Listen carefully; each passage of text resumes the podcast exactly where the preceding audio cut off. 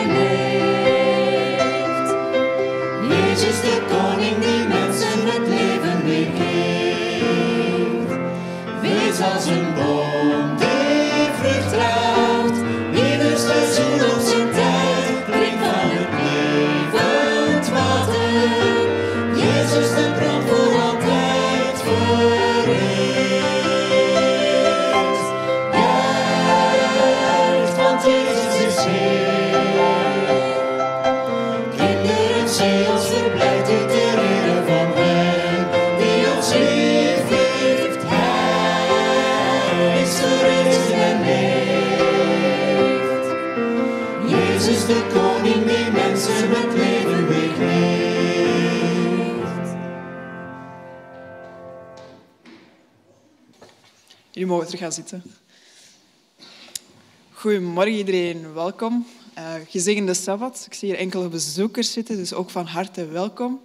Vandaag zal het woord uh, gesproken worden door Jurien. Uh, ik wil ook zijn vrouw hier heel van harte welkom heten. Um, ik heb enkele aankondigingen voor jullie. We zullen beginnen met de kerstmarkt, onze jaarlijkse traditie van de jeugd. Die zal plaatsvinden op 17 december en zal starten om 18 uur. Na twee jaar corona mogen we eindelijk onze deuren weer opentrekken en onze kerstmarkt door laten gaan. Die avond zal je croque monsieur kunnen eten bijvoorbeeld, of uh, een warme chocomelk met slagroom komen benuttigen. Uh, ik nodig jullie echt van harte uit om te komen. De opbrengst zal ook gaan naar ADRA. Dus wat wij allemaal ophalen die avond uh, zal rechtstreeks op de rekening van ADRA gestort worden. Daarnaast, om in hetzelfde thema te blijven, de kerstloze actie. Dit jaar vindt deze ook opnieuw plaats. Je kan hier heel veel informatie op vinden op de site van ADRA zelf. Um, de dozen worden dit jaar uh, gestuurd naar de kinderen in Oekraïne. Dus ook voor hen weer een steun, allee, of een hartje onder de riem te steken. Dat zij ja, een beetje uh, ja, spulletjes terug mogen ontvangen die ze misschien niet meer hebben door de oorlog die daar nu gaande is. Dus meer info kan je daarvoor vinden op de site van ADRA. Daarnaast uh, ook weer een jaarlijkse traditie, het Bijbelraadsel. Die vindt plaats op 28 januari. Je kan je hiervoor inschrijven bij Dirk of bij Timothy. Um, meer informatie kan je ook bij hen vinden. Um, zoals jaarlijks zal het in de namiddag plaatsvinden en kan je daarvoor gezellig inschrijven samen met de hele groep. En hopelijk kunnen we met de Kerk van Antwerpen ook eens een keertje winnen. Um, want tot nu toe is dat wel al heel erg lang geleden, dames en heren. Dus neem jullie enthousiasme mee en jullie Bijbel en dan gaan we er weer voor gaan. Um, daarnaast is ook de federatie op zoek, op zoek naar een administratief en logistiek assistent of assistente. Uh, meer informatie kan je hiervoor vinden op de site van adventist.be, geloof ik. En die is ook deze week verstuurd bij het krantje. Uh, de invulling van de vacature wordt daar helemaal mooi uitgeschreven, wat er wordt verwacht. Um, je zal een soort schakel zijn tussen de kerken en de federatie zelf, maar je zal daarnaast ook logistiek eigenlijk beheren voor de federatie. En dan geef ik nu graag het woord door aan Timothy. Dank u wel. Dan zou ik deze dienst willen openen met het woord van God. En ik zou u willen voorlezen Psalm 23, een psalm zeer bekend bij de jeugd en iedereen die in de jeugd heeft gezeten. De Heer is mijn herder, het ontbreekt mij aan niets. Hij laat mij rusten in groene weiden en voert mij naar vredig water. Hij geeft mij nieuwe kracht en leidt mij langs veilige paden tot eer van zijn naam. Al gaat mijn weg door een donker dal, ik vrees geen gevaar, want u bent bij mij. Uw stok en uw staf, zij geven mij moed. U nodigt mij aan tafel voor het oog van de vijand. U zalft mijn hoofd met olie, mijn beker vloeit over. Geluk en genade volgen mij alle dagen van mijn leven. Ik keer terug in het huis van de Heer tot in lengte van dagen. Laten we nu de hoofden buigen voor het gebed. Heer, we danken u dat wij hier op deze Sabbatdag aanwezig mogen zijn in uw kerk, Heer. En dat we de mogelijkheid kunnen geven aan de mensen die hier niet kunnen aanwezig zijn, Heer, om toch te kunnen volgen van thuis uit. Wilt u bij die mensen zijn die misschien door ziekte of door andere problemen belemmerd zijn om hier vandaag te komen? We danken u ook, Heer, dat u in de afgelopen week bij ons was, Heer. Het wordt kouder buiten en we kennen allemaal de problemen die de dag van vandaag ontstaan in de maatschappij. Dat heel veel mensen moeite hebben om hun huis nog te verwarmen, Heer. Wilt u bij hen zijn en wilt u ons helpen om die mensen ook bij te staan? Wilt u bij Jurien zijn, dat hij woorden mag brengen die onze harten mag raken, Heer? En dat we naar huis mogen gaan met uh, nieuwe kracht. We danken u hiervoor in Jezus' naam. Amen. Zo, ik mag jullie weer uitnodigen om op te staan. We gaan een, um, een vrij oud lied zingen, maar met een nieuwe tekst. Dus ik hoop dat jullie allemaal vrolijk willen meedoen.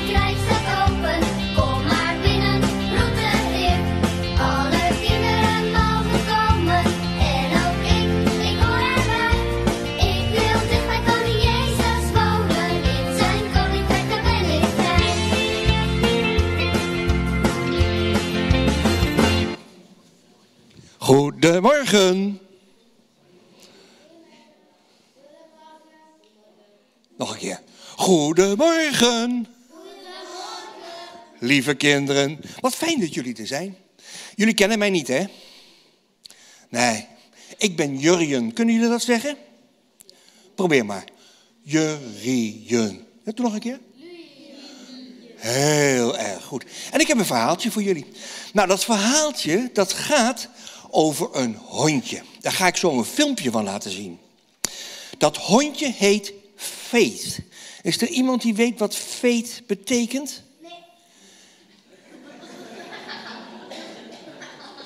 Dat is een Engels woord. Jij weet het? Gezicht.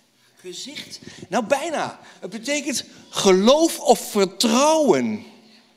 Nou, er is met dat hondje wat aan de hand. En dat gaan jullie zo meteen zien op het filmpje. Want dan zie je dat dit hondje eigenlijk niet had kunnen leven. Ja, ga maar opletten zometeen. En, maar dat er iemand was die voor dat hondje heeft gezorgd. En dat het hondje eigenlijk helemaal tot leven is gekomen, zou je kunnen zeggen. Hij, hij begon te lopen, terwijl hij eigenlijk maar twee, maar twee poten had. Want hoeveel poten hebben een hond normaal? Vier. Ja, vier hè. En als je er drie hebt, kun je dan nog lopen? Maar als je er twee hebt... Nee hè. Hond, heb je hond? Wie heeft de hond wel eens op twee boten zien lopen? Lastig, hè? Nou, daar gaan we dan nu naar kijken. Het filmpje duurt vijf minuten. En dan gaan we daarna nog even over praten wat dat allemaal wel betekent. Zullen we dat doen? Mooi. Nou, dan gaan we kijken. Wat vonden jullie daarvan? Je vond het heel goed. En waarom vond je het heel goed dan? Omdat hij heeft eh, zijn, omdat hij heeft zijn eigen talent. Zijn eigen talent, ja. En wat is ermee gebeurd met dat talent dan? Hij kan eh, zelf met twee pootjes lopen. Ja, inderdaad. En wat zeiden de mensen om hem heen toen, toen, toen ze hem voor het eerst zagen? Dachten ze dat hij dat ging redden? Wat, wat dachten ze dan? Dat hij het niet ging redden en dat hij maar dood mocht gaan. Ja, dat ze maar moesten laten inslapen, hè? Maar dat hebben ze dus niet gedaan. Nee. Nou, wat vind je nou dat mensen dat dus niet gedaan hebben? Ah, leuk, want nu leeft er een extra hondje. Ja. Maar ook, stel nou dat je iets ziet waarvan je denkt van, nou dat kan nooit. En je gaat het toch proberen. Wat vinden jullie daarvan? Is dat, is dat normaal dat je zegt nou dat kan niet. En iedereen zegt, nee hoor, het kan niet. En dan ga je toch proberen. Moeilijk hè? Nou, weet je, met hondje, iedereen zei het kan niet, maar mensen gingen het toch proberen en iedereen was blij. Nou ga ik je een kleine stapje maken naar ons. Hebben jullie wel eens het idee dat je iets niet kunt? Ja? Ja? Ja, wat kun jij niet? Skateboarden. Skateboarden. En zou je dat graag willen kunnen? Ja. Nou, er is een gouden regel die zegt: als je iets heel vaak doet, ga je het vanzelf wel kunnen. Piano spelen, er was iemand die geweldig piano speelde. Waar zit je? Oh, vinden jullie niet dat ze geweldig speelt? Maar denk je dat ze. Nou, ik ik ga stiekem vragen. Hoeveel uur heb je gestudeerd? Vanaf mijn zevende jaar elke dag twee, drie uur vanaf uw zevende jaar, dan ga ik niet zeggen hoe oud u bent. Eh, oké, ga ervan uit dat ze 30 is. Vanaf uw zevende jaar? bij je twee? Maal twee. Oké, nou. Kunnen jullie dat zo snel uitrekenen? Twee, drie uur per dag? Hoeveel uur zit er in, eh, hoeveel dagen zitten er in de week, in de maand, in het jaar? 360 keer drie. hoeveel is dat? 1000 ongeveer. Keer 10 duizend, tienduizend keer twintig. Wauw, ik denk dat je misschien wel 50.000 uur gestudeerd hebt. Nou zeg. Dus, wat betekent dit? Geef nooit op. En weet je wie die ook nooit opgeeft op ons?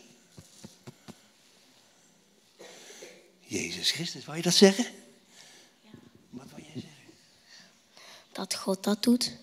Exact. En wat doet God dan precies? Dat hij ons helpt waar, dat hij ons helpt eh, waar wij het moeilijk mee hebben. Dingen moeilijk mee hebben. En zegt God van, nou, nou ben ik er ook klaar mee. Nou heb ik er geen zin meer in. Zegt hij dat? Nee. Wat zegt hij dan? Die zegt dat, dat, eh, dat hij dat verder gaat doen. Ja, hij gaat maar door en hij gaat maar door en hij geeft nooit op. Nou, dan hoop ik dat jullie dit willen leren van dit mooie verhaaltje. En ik ga nu voor jullie bidden. Lieve Heer, dank u wel voor deze prachtige kinderen. Dank u wel voor het mooie verhaaltje van Veet. En ik bid u, goede God, wilt u ze helpen om nooit op te geven. En te beseffen dat u ons ook nooit op zult geven. Ga met ons mee in Jezus' naam. Amen. Dank jullie wel. Jullie mogen nog eventjes blijven zitten. Want weet je, over vier weken is het kerstmis. En over vier weken gaan we dus allemaal samen vieren. Maar vier weken voor kerstmis noemen we advent. Dat is een periode om eventjes stil te worden. En we gaan al hopen en leven toe naar het kerstmis, naar het kerstfeest. Zien jullie vier kaarsen hier staan? We gaan er elke week eentje aansteken. Ja? En die kaarsen zijn rood. Er zit een mooie kerstkrans rond in het groen. En er zit ook een rood lint aan. En dat zijn allemaal tekens van leven, hoop, licht en liefde. Ja? Dus vandaag gaan we de eerste kaars aansteken. En ik had het aan Linda gevraagd. Linda, kan je komen? Mag jij de kaars aansteken? Zo, dankjewel, Linda. Ik heb nog een heel klein tekstje erbij. En dat tekstje is, word wakker. De nacht is voorbij en de dag komt. Laat het donker achter je en geef licht. Zo, ik hoop dat jullie deze week allemaal licht om je heen gaat geven naar de kindjes op school en de kindjes in de straat waar je mee speelt. En dan mogen jullie nu naar boven gaan met Nathalie om een mooi knutselwerkje te maken over een hondje. Ja, en aan de volwassenen mag ik vragen om op te staan en weer met ons mee te zingen.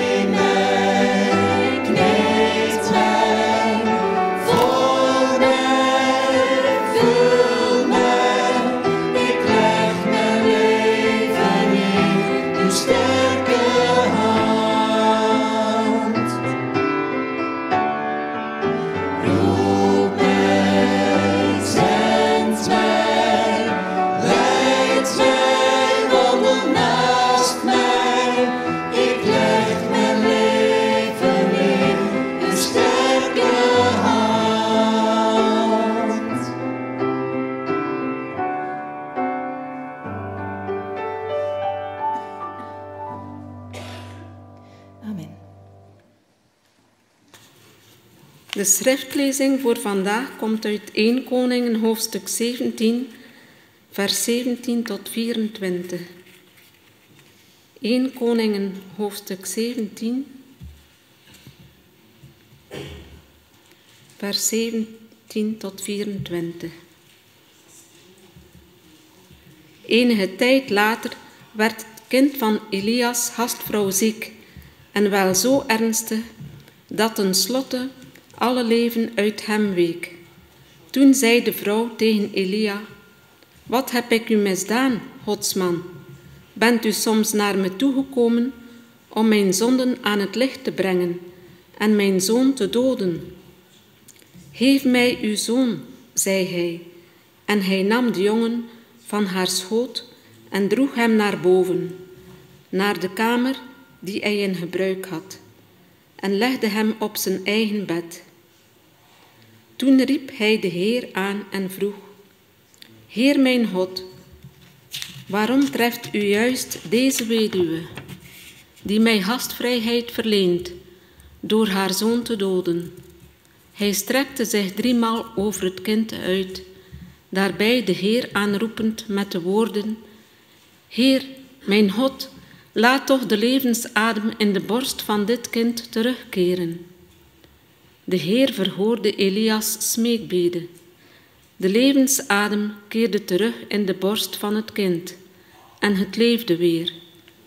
Elia nam het kind op, droeg het naar beneden en gaf het aan zijn moeder terug. Kijk, uw zoon leeft, zei hij.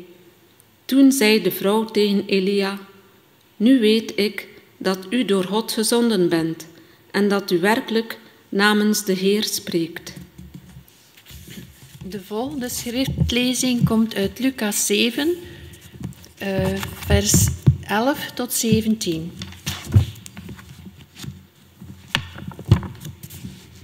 Lucas 7, versje 11 tot 17.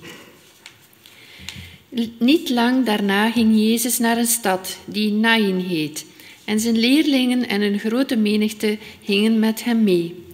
Toen hij de poort van de stad naderde, werd er net een dode naar buiten gedragen, de enige zoon van een weduwe. Een groot aantal mensen vergezelde haar. Toen de Heer haar zag, werd hij door medelijden bewogen en zei tegen haar: Weeklaag niet meer. Hij kwam dichterbij, raakte de lijkbaar aan. De dragers bleven stilstaan en zei: Jonge man, ik zeg je, sta op. De dode richtte zich op en begon te spreken, en Jezus gaf hem terug aan zijn moeder.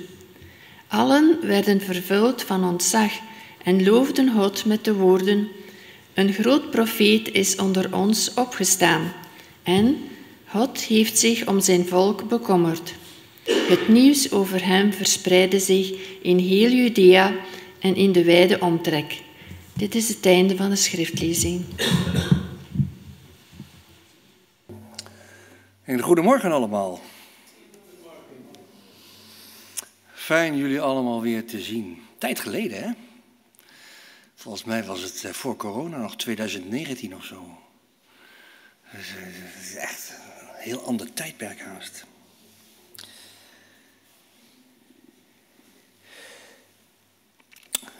In 2016 werd er een experiment uitgevoerd.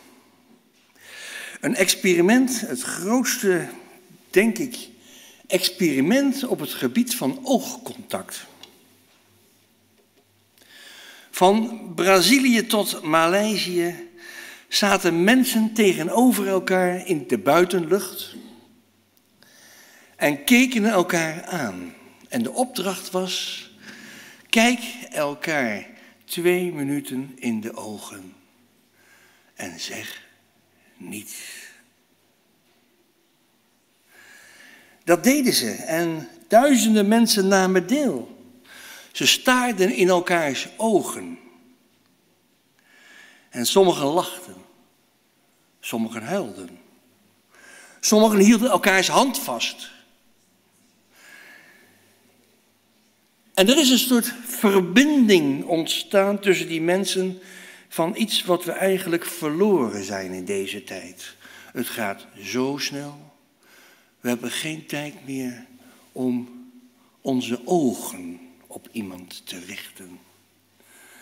We hebben geen tijd meer om daarbij stil te staan en een blik te delen met elkaar. En iemand zei, ik heb hellingen beklommen, ik heb geskiet, ik heb aan korte touwtjes gehangen aan hele heftige rotswanden, maar die twee stille minuten om iemand in de ogen te kijken waren de meest opwindende en ook misschien wel de meest angstaanjagende ervaring van mijn leven. Nou, u voelt hem al aankomen.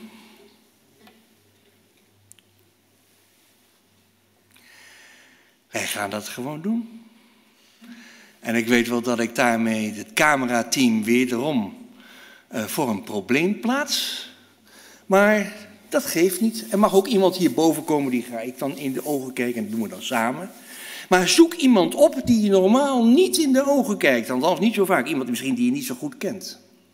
Ga even tegenover elkaar zitten. En kijk me elkaar aan. Twee minuten lang. En dan wil ik straks even horen of dat, uh, of dat gelukt is. En is er, kom jij hier bij mij? Mooi. En dan kan de camera heeft dan ook wat, dan kan die ons zien. En ook voor de mensen thuis, lieve mensen thuis, als u nou kijkt, dan denkt u van, oh jongens, dan gaat er weer wat gebeuren en dan zijn we geen deel ervan. Nou, zo simpel is het niet. Als je toevallig met z'n tweeën bent, en ik weet dat mijn uh, eerwaarde professor met zijn vrouw, uh, Rudy en Thea, met z'n tweeën zijn, jullie kunnen deze oefening gewoon thuis doen, hè? Oké, okay. zoek iemand op, ga tegenover elkaar zitten, kijk elkaar in de ogen en dan praten we daarna verder.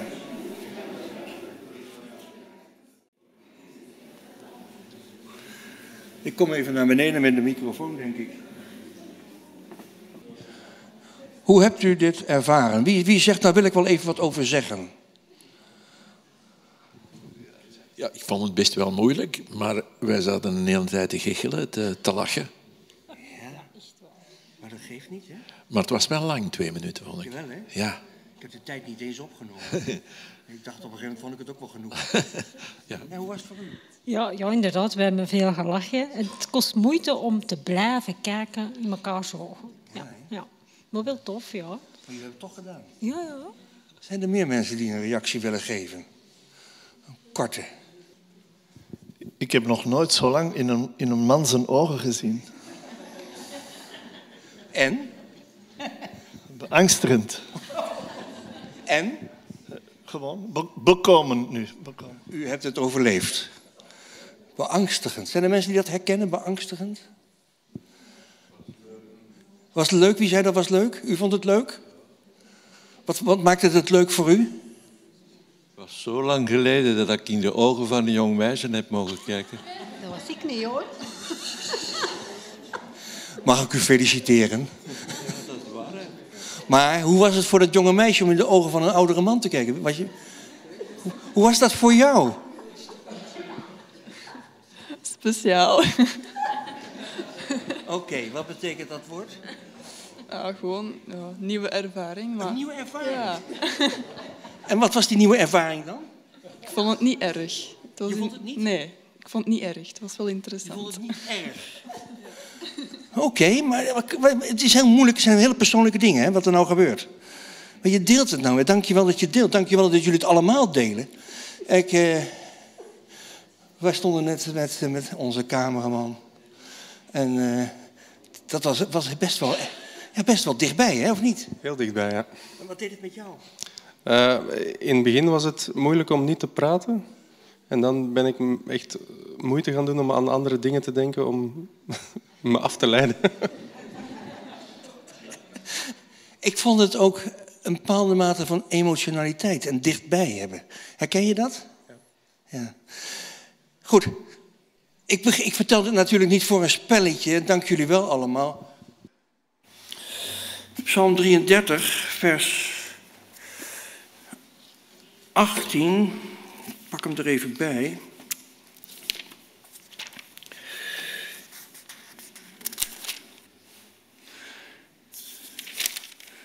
Ach, ik denk, waarom staat het er niet? Ik zit in Job te kijken. Ja. Dat krijg je als je niet goed oplet, hè? Psalm 33, vers 18. Het oog van de Heer rust op wie hem vrezen en hopen op zijn trouw. Hij zal hen redden in doodsgevaar, bij hongersnood zal hij hun leven sparen. Wij wachten vol verlangen op de Heer. Hij is onze hulp en onze schild. Op zijn heilige naam vertrouwen wij. En ik dan even teruggaan. De Heer doet, het, doet de plannen van volken teniet.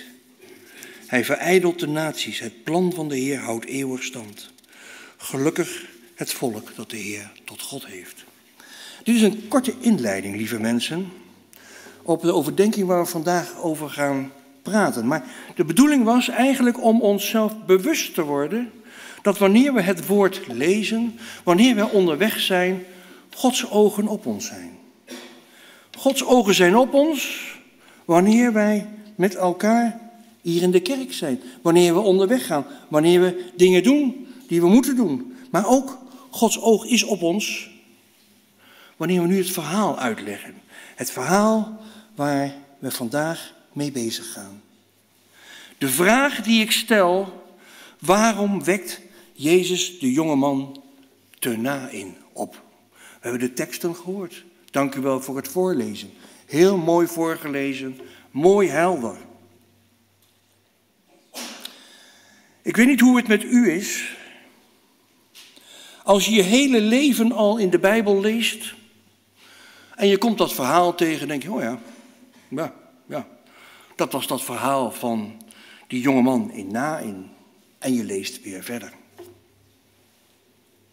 En dat is het probleem met ons. Wij kennen die Bijbel. Die Bijbel is als het ware in ons verankerd. We kennen de verhalen. We kunnen dingen soms citeren, want ze zijn een onderdeel van ons geworden. Maar als Lucas dit verhaal voor het eerst vertelt, dan kende niemand dit, zo dit verhaal.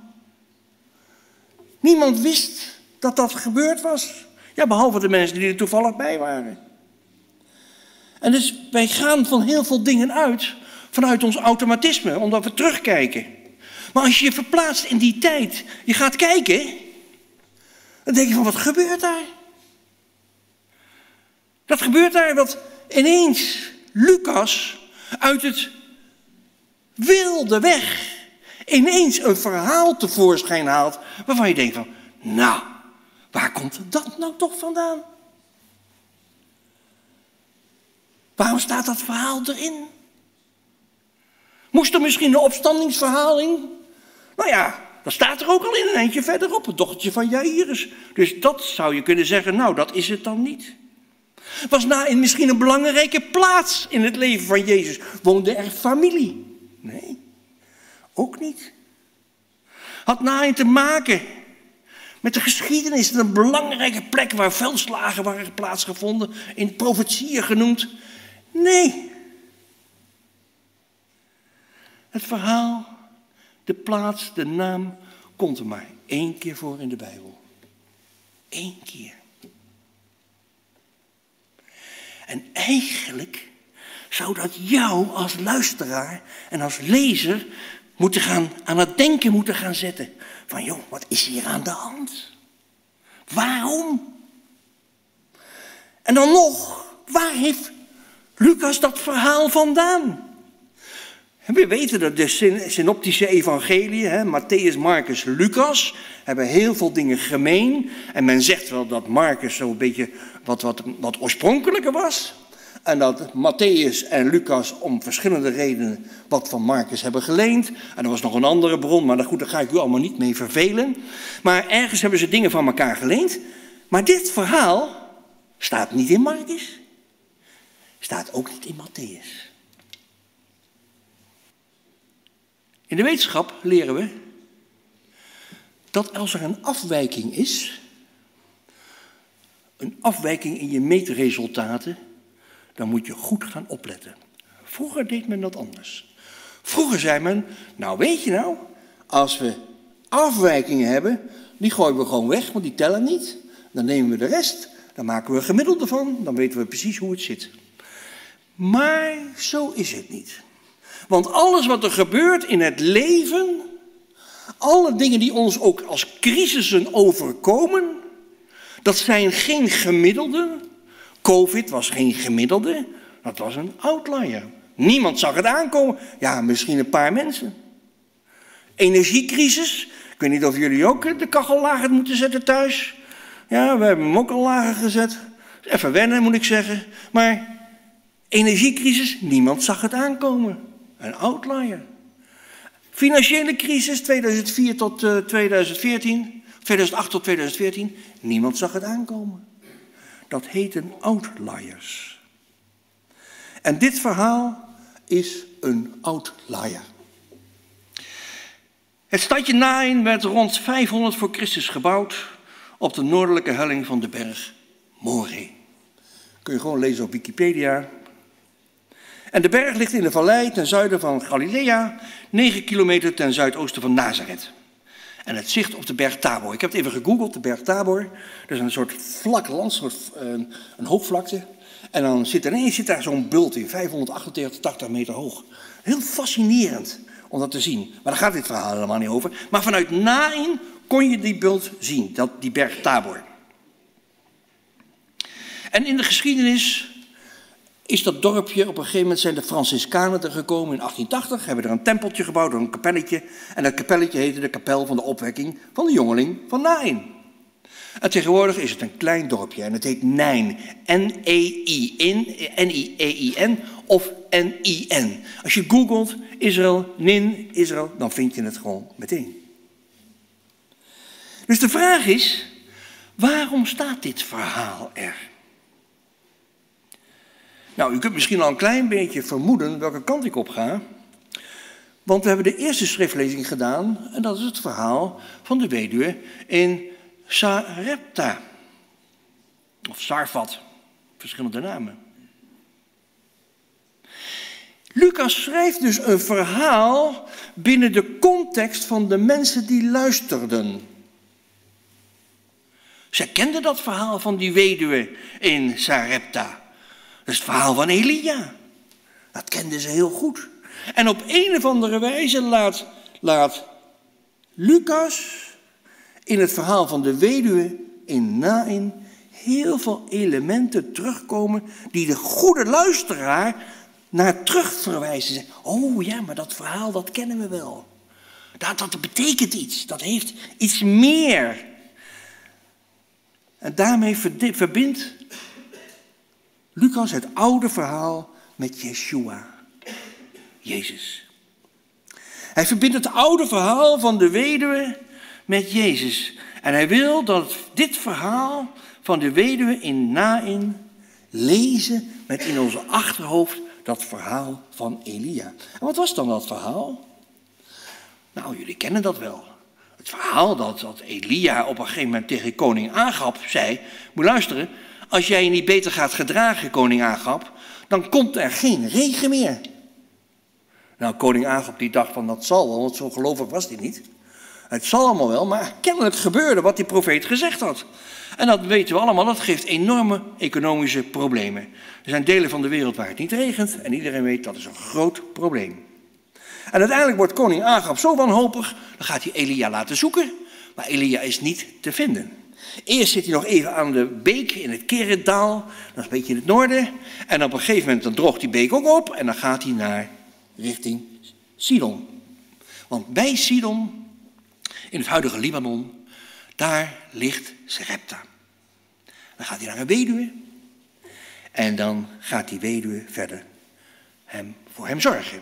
Dat is het verhaal van dat kannetje eh, olie wat niet opraakt en die kruik, eh, olie en de, de, het vat met meel raakt niet op. Dat is dat verhaal. Dus ergens wil Lucas ons meenemen daarheen. En er zijn een aantal opvallende overeenkomsten bijvoorbeeld.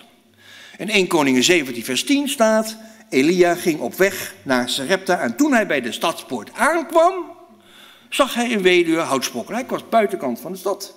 Hij komt eraan. En wat zien we dan in het, na verhaal? Toen Jezus de poort van de stad naderde, werd er net een dode naar buiten gedragen. Nog meer overeenkomsten. De vrouw heeft één zoon. 1 Koningen 17:9. De weduwe in Nain heeft één zoon. Lucas 7:12. De vrouw in het Oude Testament is weduwe. In het Nieuwe Testament is ze ook weduwe.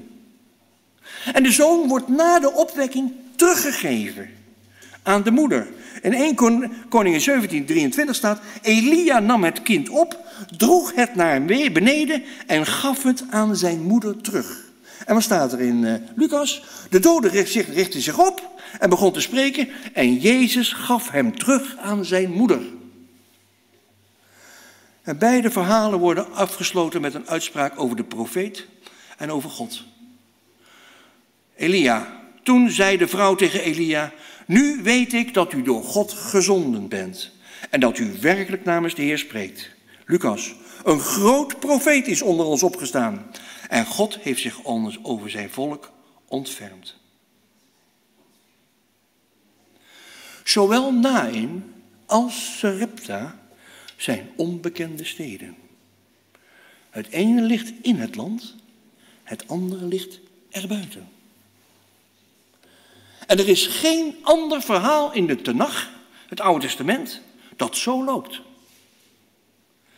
Alleen dit verhaal van Elia en die weduwe, dat kunnen we terugvinden als we kijken naar het verhaal van de jongeman Tenain.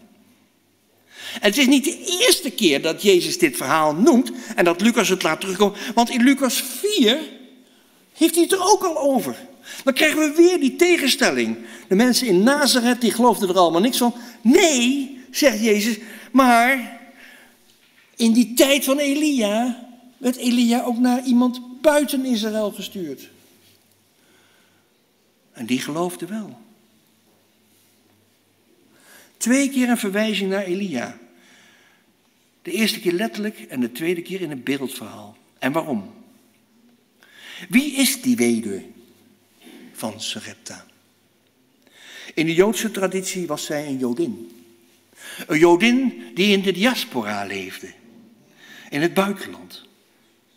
En dat was nog voor alle deportaties. Dat was nog voor 722, toen de Assyriërs het hele tienstammenrijk wegvoerden. Want Elia leefde zo in de 8e eeuw, rond 18, 20, 30.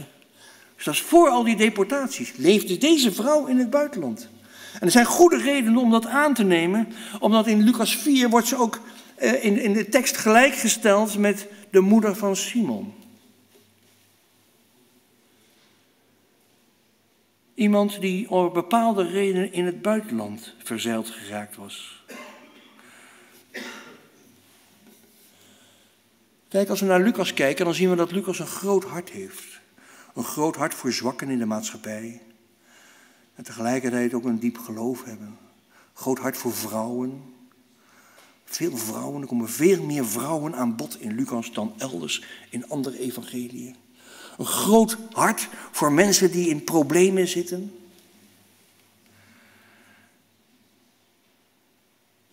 En ook in Lucas vinden we dat verhaal van die weduwe met dat muntstukje, Lucas 21.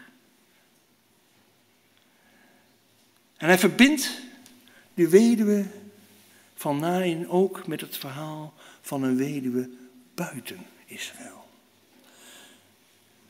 Nou, we weten het Oude Testament, Exodus 22, waar staat: Weduwe en wezen mag je evenmin uitbuiten.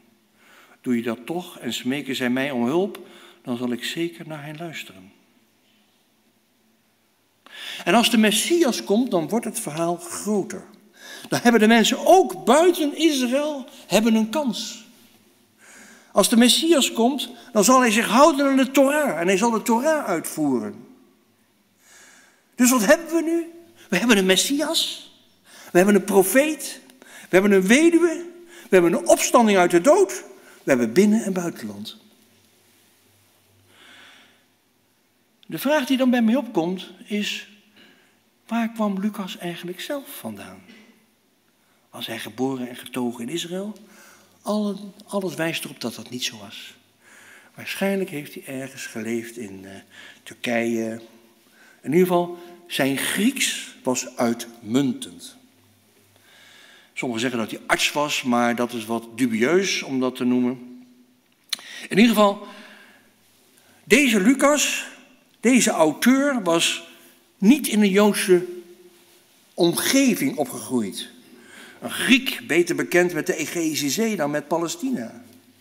En hij gebruikte de stijl van de Griekse geschiedschrijving, waarbij het opvalt dat hij titels en van overheidsdienaren heel goed hanteert, bijvoorbeeld in Efeze. En Lucas sloot zich rond 50 na Christus aan bij de groep van Paulus. En hij ging mee aan rondtrekken. Zendingswerk. In, in, in, in, in, uh, in uh, Griekenland. Zendingswerk in Filippi. Paulus en Silas belanden dan in de gevangenis. En die gaan later door. En het lijkt erop alsof Lucas daar in Filippi is gebleven. Mogelijk om de jonge gemeente te ondersteunen. En een aantal jaren later komt Paulus weer terug in Filippi en dan, neemt, dan gaat Lucas weer met hem mee. Lucas opgegroeid in het Griekstalig deel van het Romeinse Rijk. Maar was Lucas een Griek? Of was hij ook iets anders? Op grond van zijn geweldige beheersing van het Grieks zeggen de mensen, ja natuurlijk was een Griek. Een heiden die op een gegeven moment gelovig is geworden. Maar op grond van zijn geweldige beheersing van de Tenach, denk ik, en ik ben niet de enige, dat Lucas een Jood was. Een Jood in de diaspora. Een Jood die toen hij het verhaal ging schrijven, al die beelden uit de Tenach naar voren liet komen om te vertellen wie Yeshua is. Een Joods persoon die leefde in de diaspora en de Torah kende van binnen en van buiten. Zoals ieder Joods jongetje vanaf kindertijd af leert lezen in de Torah, in de Tanach. En zoals een lievelingsschrijver van mij, Peter van het Riet, beschrijft in zijn geweldige boek Lucas de Jood. Lucas schreef voor Joden. Als een man in de diaspora, als een man in het buitenland. En nu komt dit verhaal van Nain, dat gebruikt hij om iets te vertellen tegen ons. Iets groots. Hij wilde laten weten, zijn Joodse broeders, dat er ook mensen in het buitenland wonen. Ook Joodse broeders en zusters. In de diaspora. En dat die ook van belang zijn voor de verbreiding van het evangelie. Van de missie van de Messias. En er is nog iets. Hoewel de stad na in weinig betekenis heeft, betekent de naam lieflijk. Maar ook daar zit weer een verwijzing in naar het Oude Testament. Want toevallig is het dezelfde naam Naomi. Hey, dat is interessant. Naomi, ook een weduwe, ook in het buitenland. Dan zien we nog iets anders verschijnen. Er komt nog een verhaal in dat Lucas 4. Het verhaal van Naaman, ook een buitenlander, die tot geloof komt. En in Handelingen, Cornelius, die hoofdman, ook die tot geloof komt. Lucas wil ons vertellen dat het evangelie niet alleen voor de Joden is. Maar dat de Joden de messiaanse roep weer moeten accepteren van wij hebben iets te vertellen aan deze wereld. Naomi, die in Moab kwam en haar schoondochter Rut meenam. Rut had haar hele leven naar Naomi gekeken.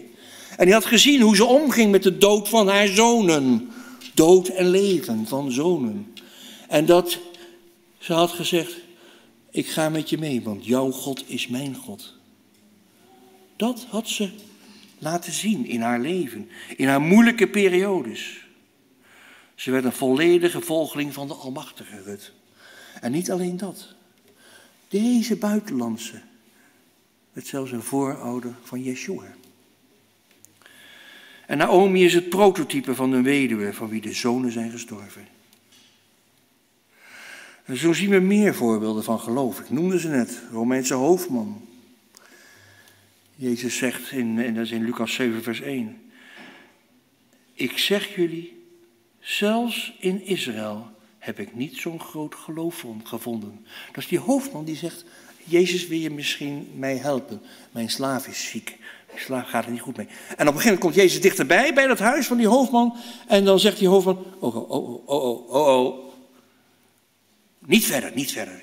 Je moet niet in mijn huis komen, daar bent u te groot voor. Zeg het maar, dit is het goed. En dan zegt Jezus, wauw, zo'n groot geloof heb ik nog nooit gevonden. Hier in Israël niet.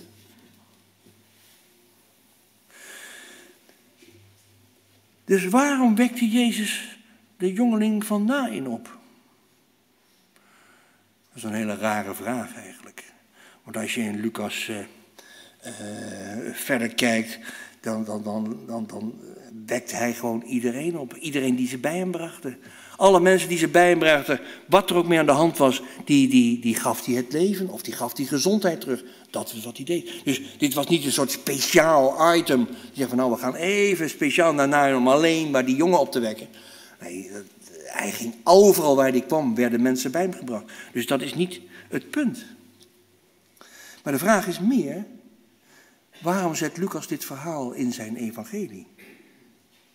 En ik denk dat hij het verhaal gebruikt om te verwijzen naar de grote profeten, Elia en Elisa. En Lucas zegt eigenlijk dat Jezus de nieuwe Elia is. Dat hij degene is die het volk gaat redden. Maar het gaat nog verder.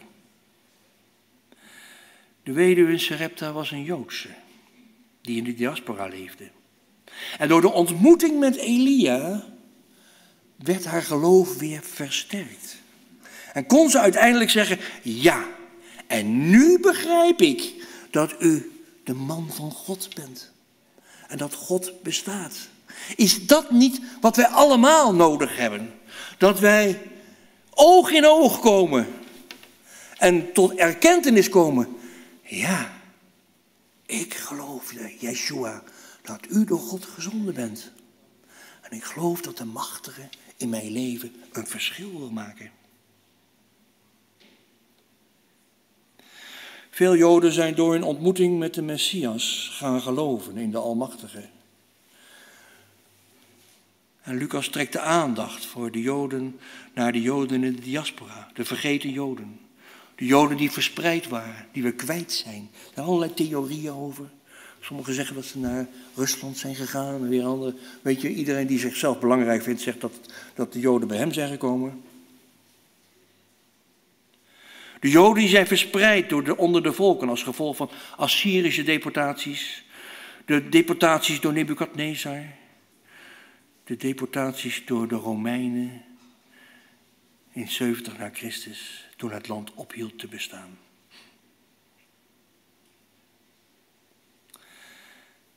Er zit nog iets in dit verhaal. De eerste keer, dan heb ik net gezegd, hè, dan praat hij over Nazareth en over Cafarnaum. In Nazareth doet hij geen wonderen, maar geeft hij ze wel een preek.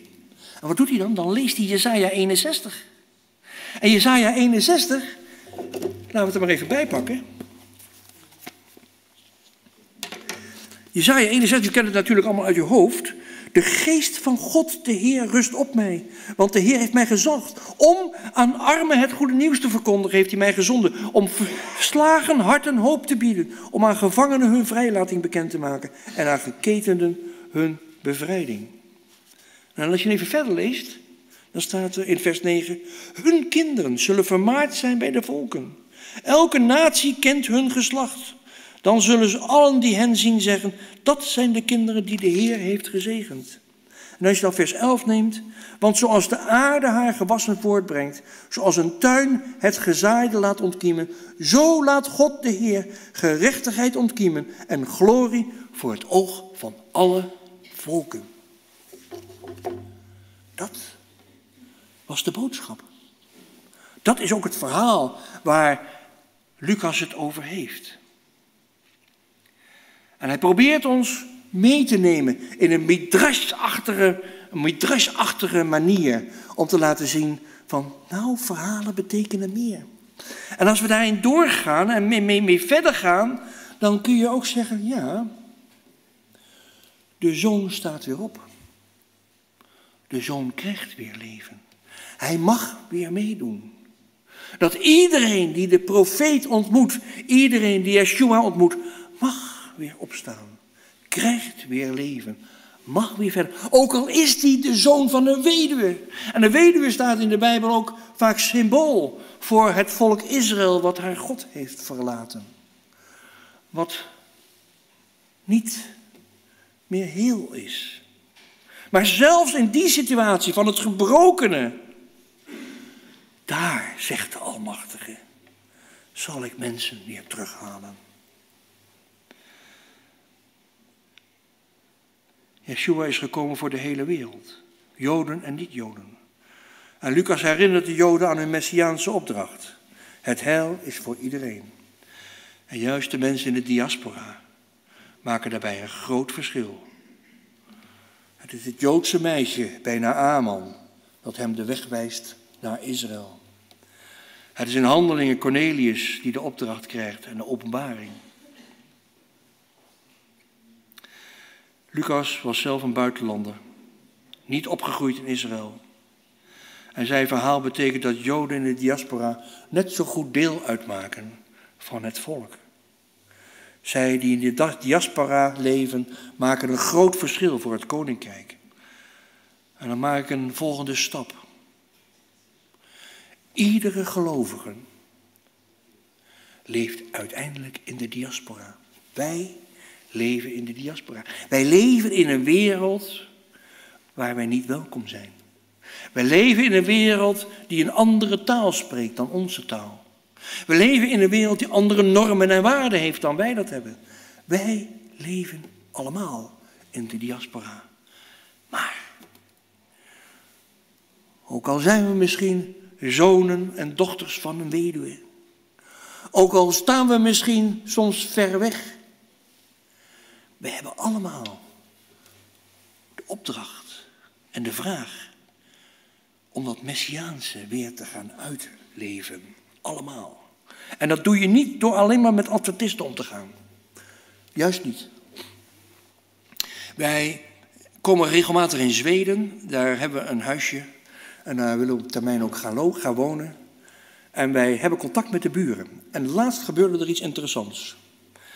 Die buren die, die leven kind of, um, nou, hoe zal ik zeggen, zoals heel veel mensen leven, er wordt gerookt, gedronken en zijn er allemaal relaties of niet, weet ik veel wat.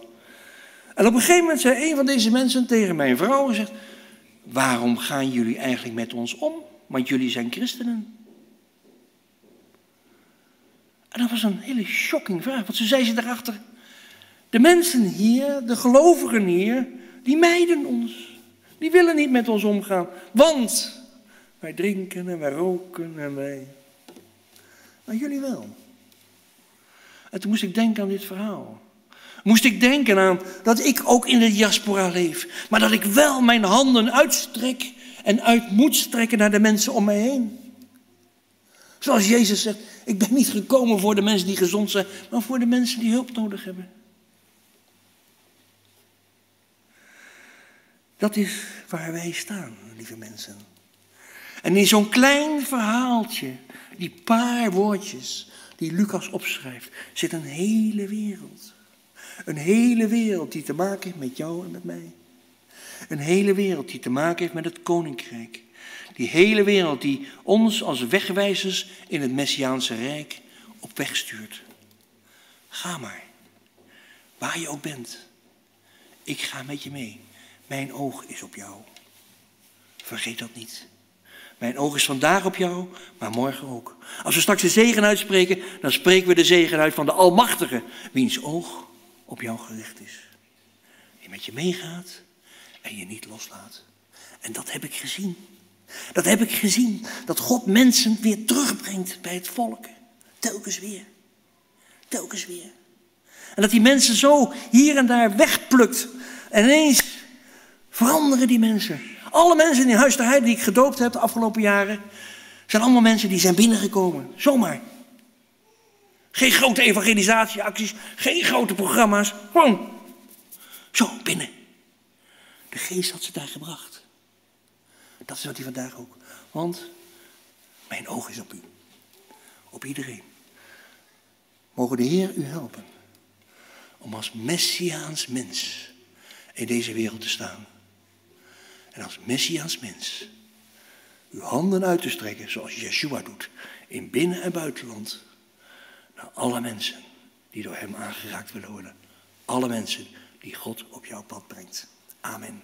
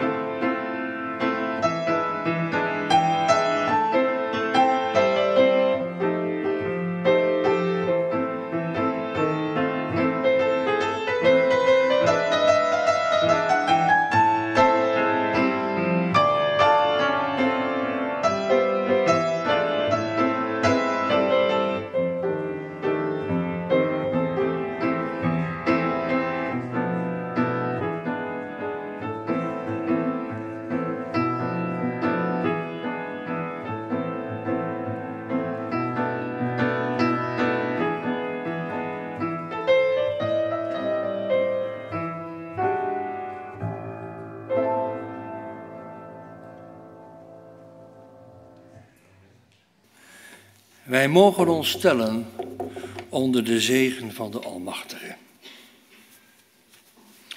En misschien vindt u dat een beetje raar, staat u maar op, ja. Maar er staat dat wanneer zij mijn naam uitspreken, dan zal ik hen zegenen. En ik heb de neiging om de naam maar gewoon te gebruiken. Niet uit disrespect, maar uit respect voor deze tekst.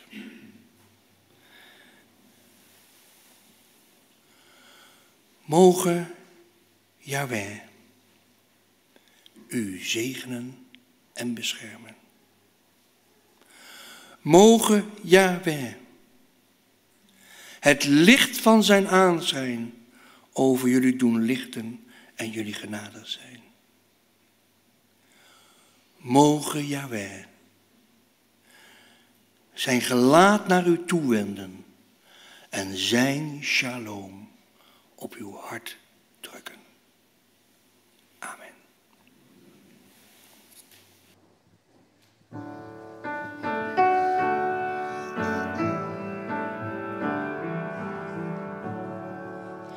God is